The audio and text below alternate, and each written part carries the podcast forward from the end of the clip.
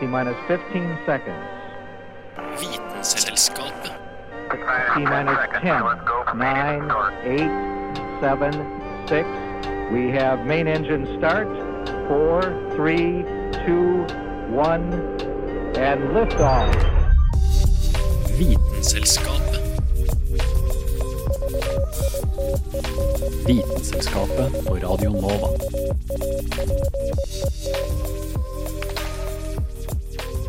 Hei og velkommen til Vitenselskapet. I dag skal vi snakke om alt som er digert. Fra store folk til digre båter, til de store skapningene oss fant her på jorda før i tida. Gjør døra høg og porten vid, og glede til ei fullstappa sending om alt som er digert.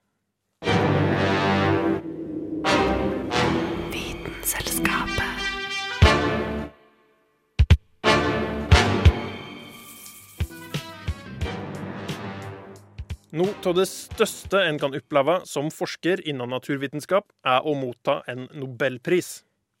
Og det fins kun én som har klart dette to ganger. Det er tid for ukas vitenskapsmann. I'm on a fantastic journey to look for the origins of life.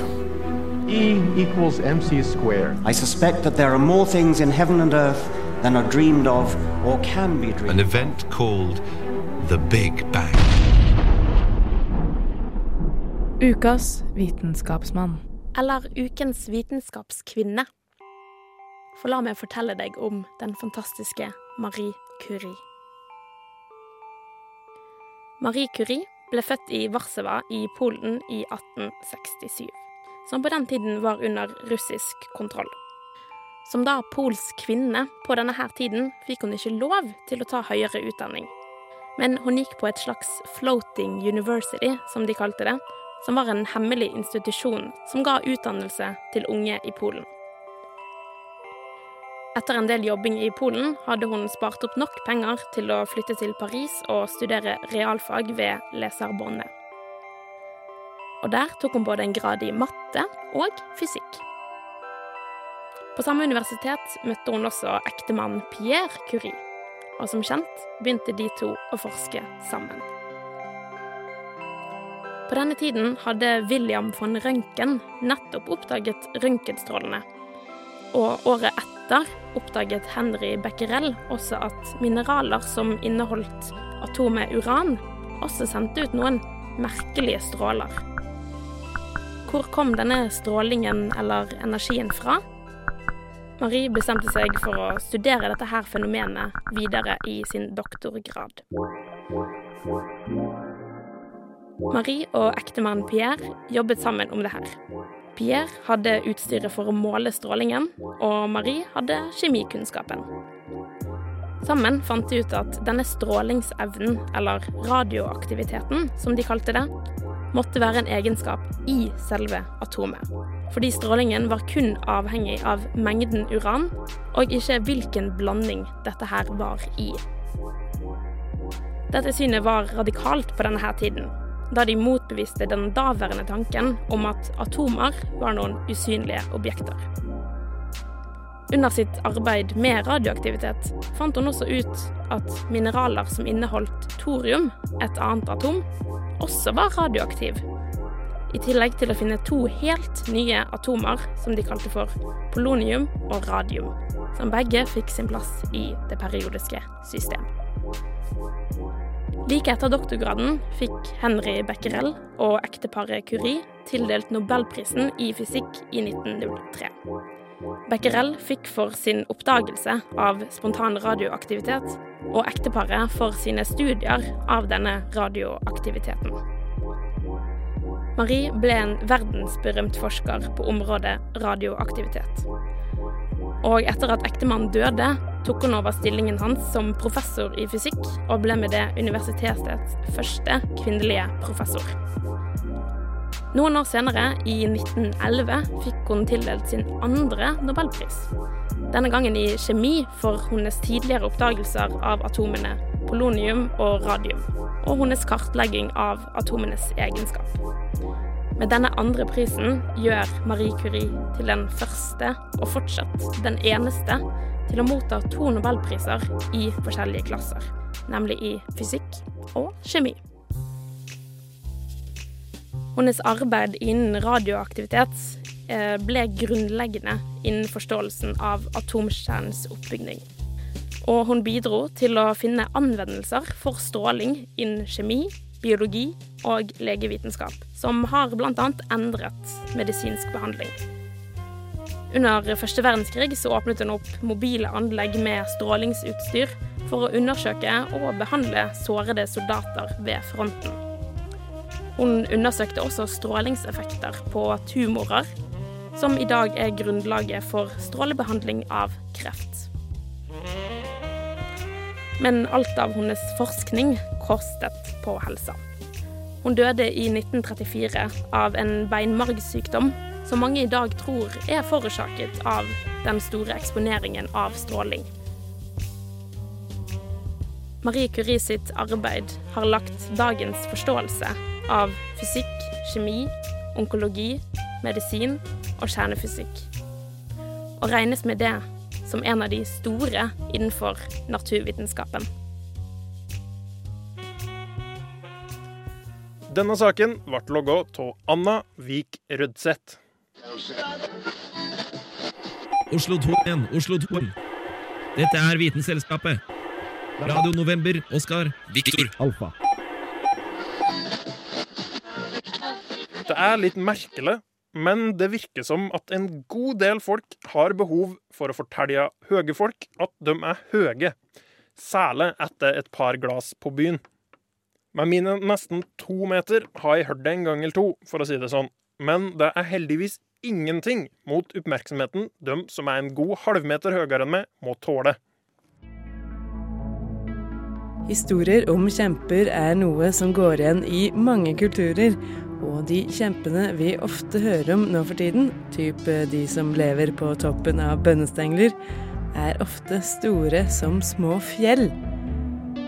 Så store er det nok aldri noen som har vært i nærheten av, men det er sannsynlig at mange av historiene om kjemper har sin rot i ekte, kjempestore personer. Verdens høyeste mann, i hvert fall hvis vi kun tar med de målingene som vi kan stole på, er Robert Wadlow, som raget hele 272 cm på sokkelesten. Verdens høyeste kvinne, Zeng Jinlian, kom seg nesten opp til 2,5 meter med sine 248 cm. Tragisk nok ble hun bare 17, og han ble 22. For det er en dyr pris å betale for å bli så høy.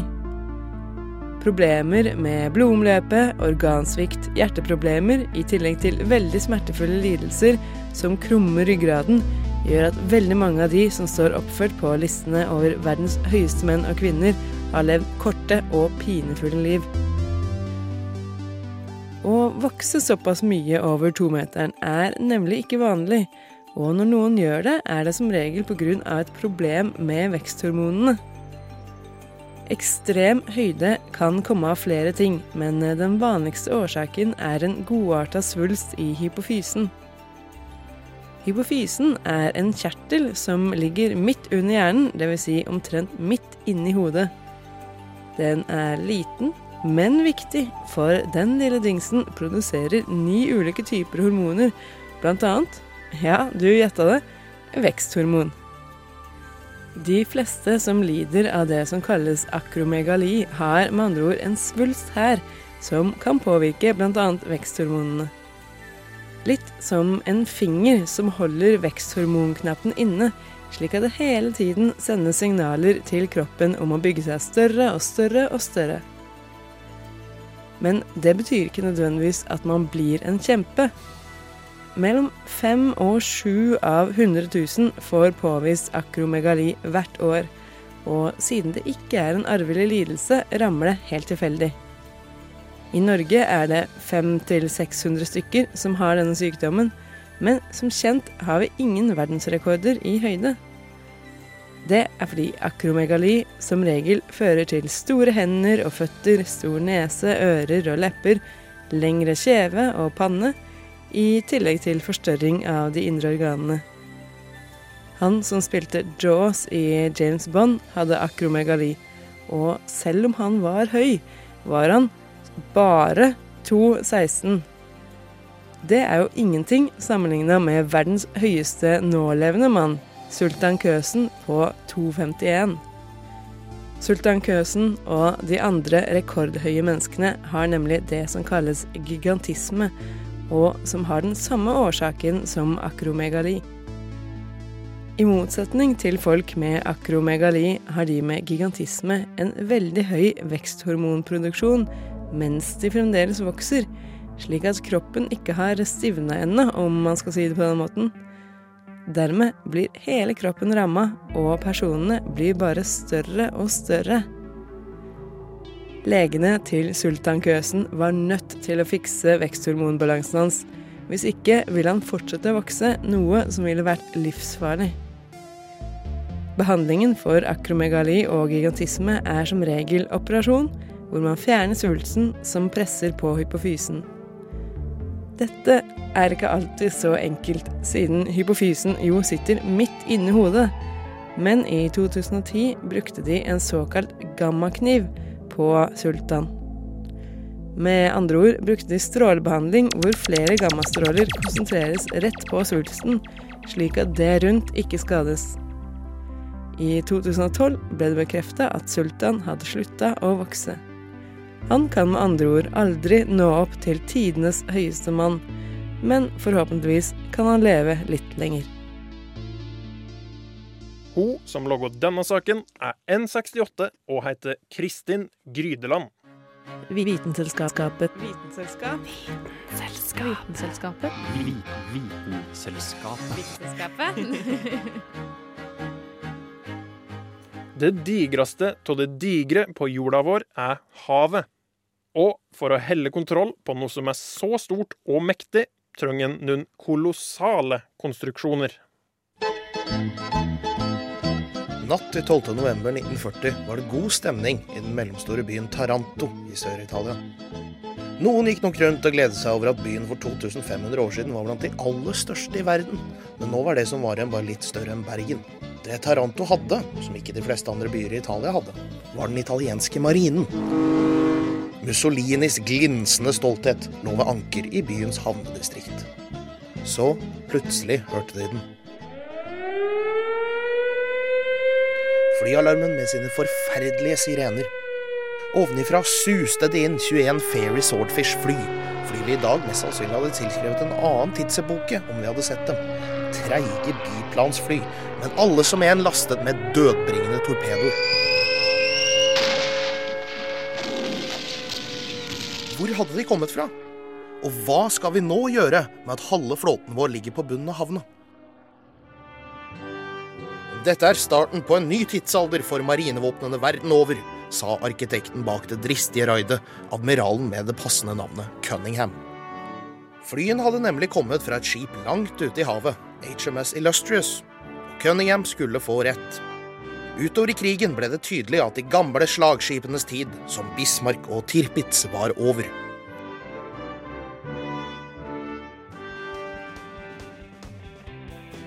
Fra sin spede start med landingsdekk laget av treverk, har hangarskipene i dag vokst til å bli moderne titaner av stål, med tusenvis av mannskap og hypermoderne teknologi. Nimitz-klassen, som innbefatter USAs hangarflåte, har en egenvekt på tett oppunder 100 000 tonn, og en toppfart som er nesten sjokkerende for et skip på den størrelsen. Over 30 knop! Nøyaktig hvor fort det kan gå, er en godt bevart hemmelighet. Men at brorparten av den norske fritidsbåtflåten ikke kunne holdt følge engang, det er ganske rått.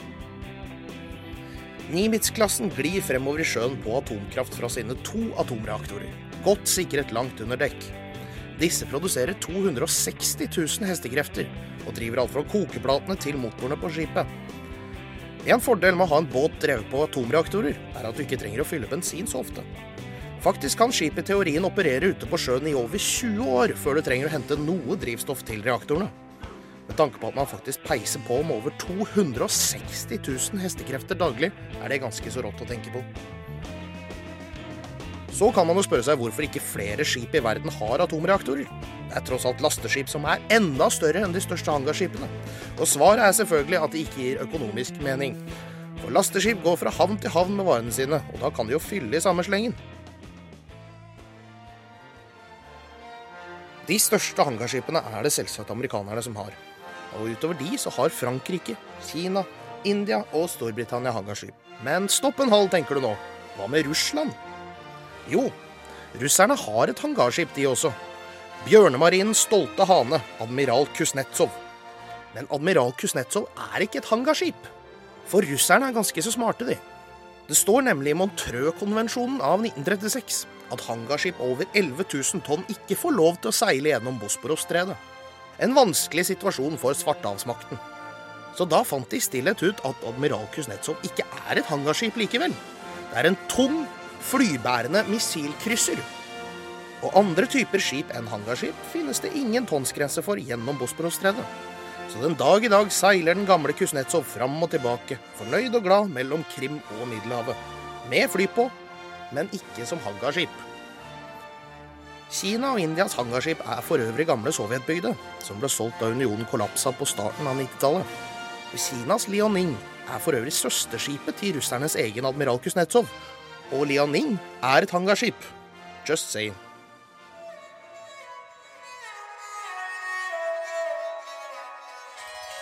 Men avslutningsvis føler jeg det er verdt å nevne at bortsett fra Sikkerhetsrådet og den folkerike og mektige nasjonen India, er det ett ekstra land som med stolthet kan kalle seg en hangarskipsmakt.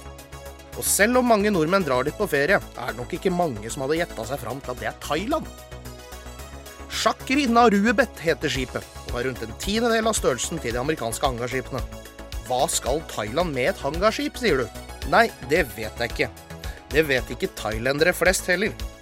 For marineeksperter refererer som oftest til Chakri som verdens dyreste yacht, i referanse til den manglende bruken. De første ti årene etter det ble bygd, var det som regel bare på sjøen én dag i uka. Media i Thailand har gitt det det rørende og passende kallenavnet Titanic. Men til Titanics forsvar så er det i dag verdt å nevne på at de var med i redningsaksjonen for Grotteguttene.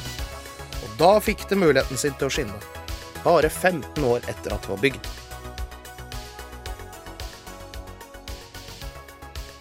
Mannen bak dette innslaget, som sjøl mener han ble fostra opp på saltvann i flaska, er den sjøltitulerte kaptein Dag Løvold Magnussen. Du hører på Vitenselskapet på Radio Nova.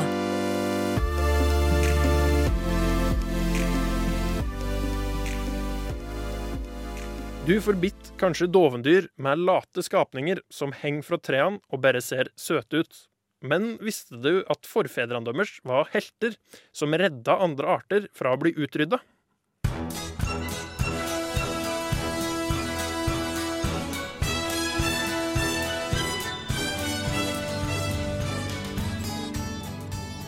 I de siste årene har én frukt blitt mer trendy enn noen annen avokadoen.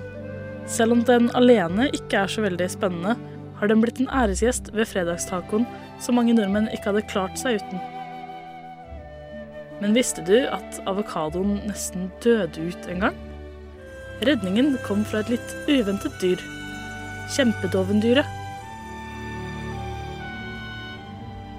I motsetning til dagens dovendyr bodde ikke kjempedovendyrene i trær. Det var de for store til, så de gikk rundt på bakken isteden. Se for deg noe lignende Sid fra istidfilmene. Selv om de mest sannsynlig ikke var venn med mammuter og sabeltigre som levde på den tiden, var de nok heller omringet av glyptodoner, en slektning av dagens beltedyr. Vi antar at de siste kjempedovendyrene døde ut rundt år 2660 før vår tidsregning. Delvis pga. tidligere mennesker som jakter på dem. Ops.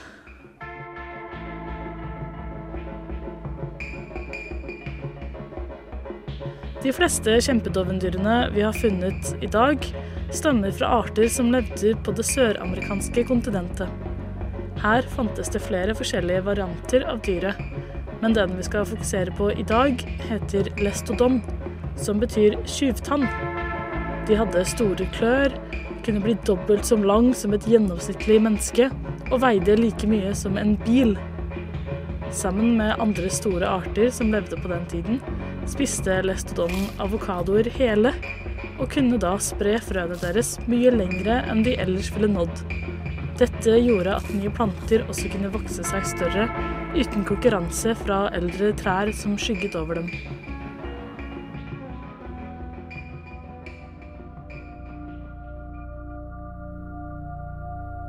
Da istiden kom, døde flere av de store dyrene som levde på den tiden, og det var da ingen som kunne nå opp og spise mange av fruktene på trærne. Dette førte til at flere forskjellige planter også ble helt utryddet. Det var fordi det ikke lenger var noen levende vesener som kunne spise dem, så de falt på bakken og råtnet. Heldigvis for oss overlevde avokadoen takket være kjempedovendyret og noen smarte tidligere mennesker som valgte å plante dem videre.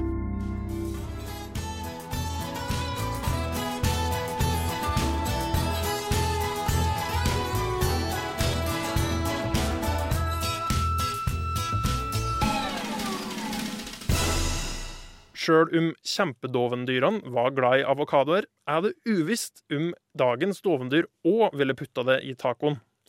Saken var logget av Julianne Li Fjell. Hæla i taket med Vitenselskapet.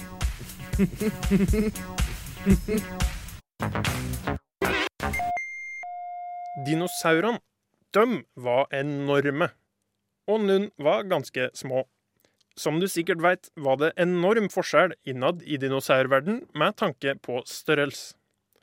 Hvorfor ble mange av dinosaurene de største landlevende dyrene som har levd? Hvorfor er de færreste pattedyr så store? Og hvorfor døde egentlig de store dinosaurene ut? For 65 millioner år siden døde dinosaurene ut. Nå vekkes de til live igjen. Vitenselskapets dinohjørne.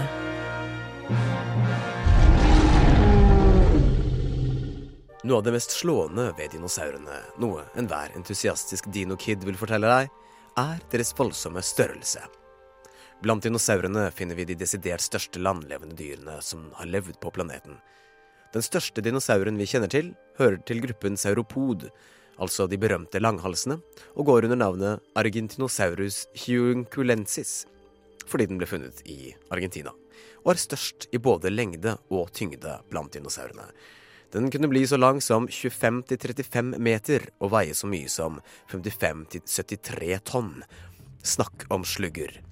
Men noe av det mest interessante er ikke nødvendigvis deres veldige størrelse, men snarere forskjellen på størrelsen innad i den rikholdige gruppen av urtidsdyr kjent som dinosaurer. Det er så nemlig slik at som dyregruppe så inneholder dinosaurene de desidert største forskjellene i størrelse blant noen dyregruppe noensinne men denne rekorden dog holder de som landdyr. For de mest ekstreme forskjellene i dyreriket, hvis man regner med jord, vann og i lufta med, hører faktisk til oss pattedyr. Det minste pattedyret i verden er humleflaggermusen, som navnet tilsier ikke er stort større enn en humle, og som veier så mye som hele to gram. Snakk om tungvekter.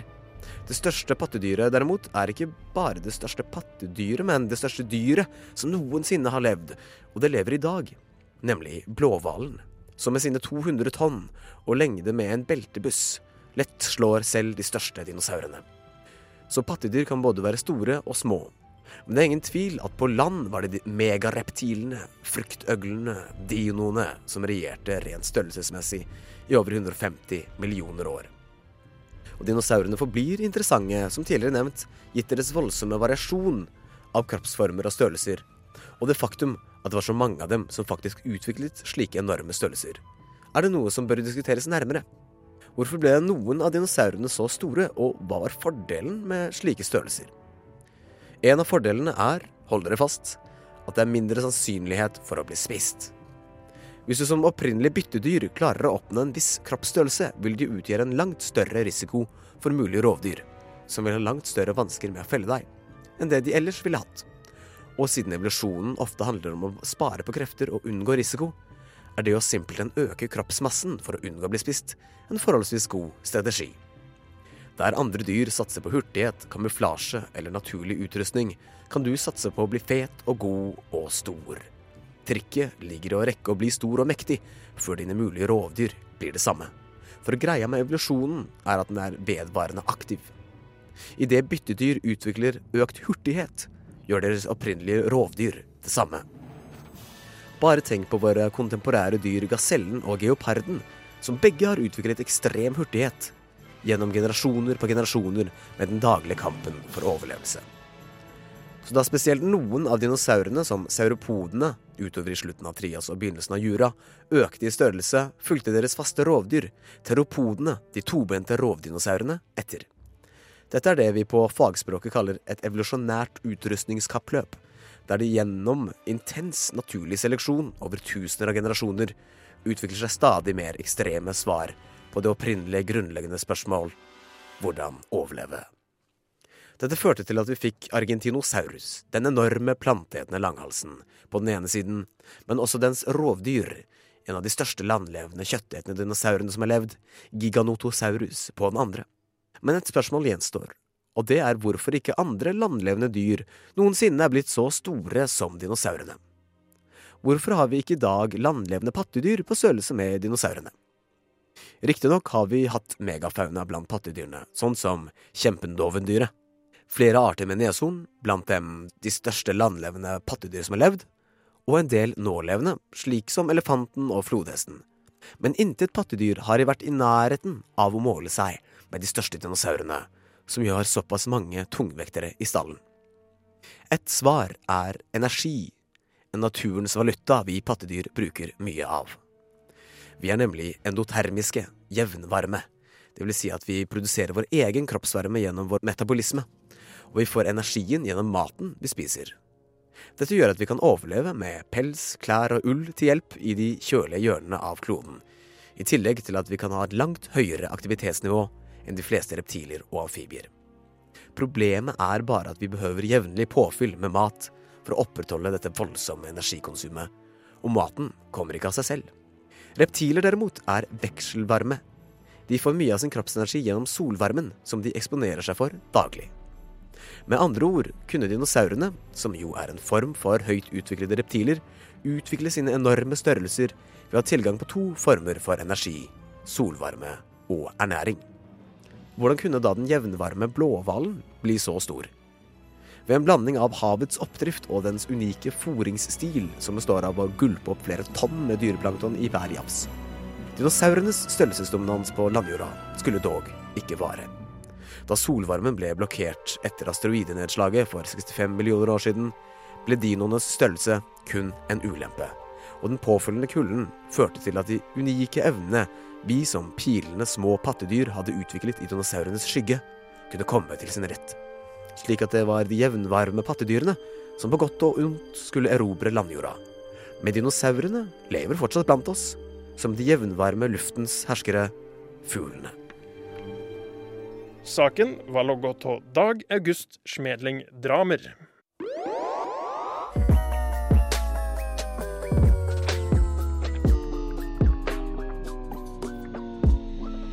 Vitenselskapet.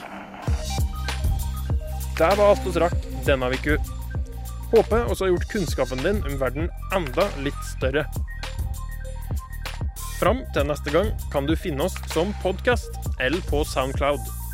Følg oss òg gjerne på Facebook og Instagram. Alt finner du under Vitenselskapet. Jeg, som har geleida deg gjennom sendinga, heter Carl Adams Kvam. Oss høyras! Vitenselskapet. Hva, hva, hva? Radionova er best. Alle andre er tapere. Radionova er best. Radio Nova. Mm. Radio Nova. Radio Nova. Siden 1982 har Radio Nova gitt deg favorittmusikken din før du visste at du likte den.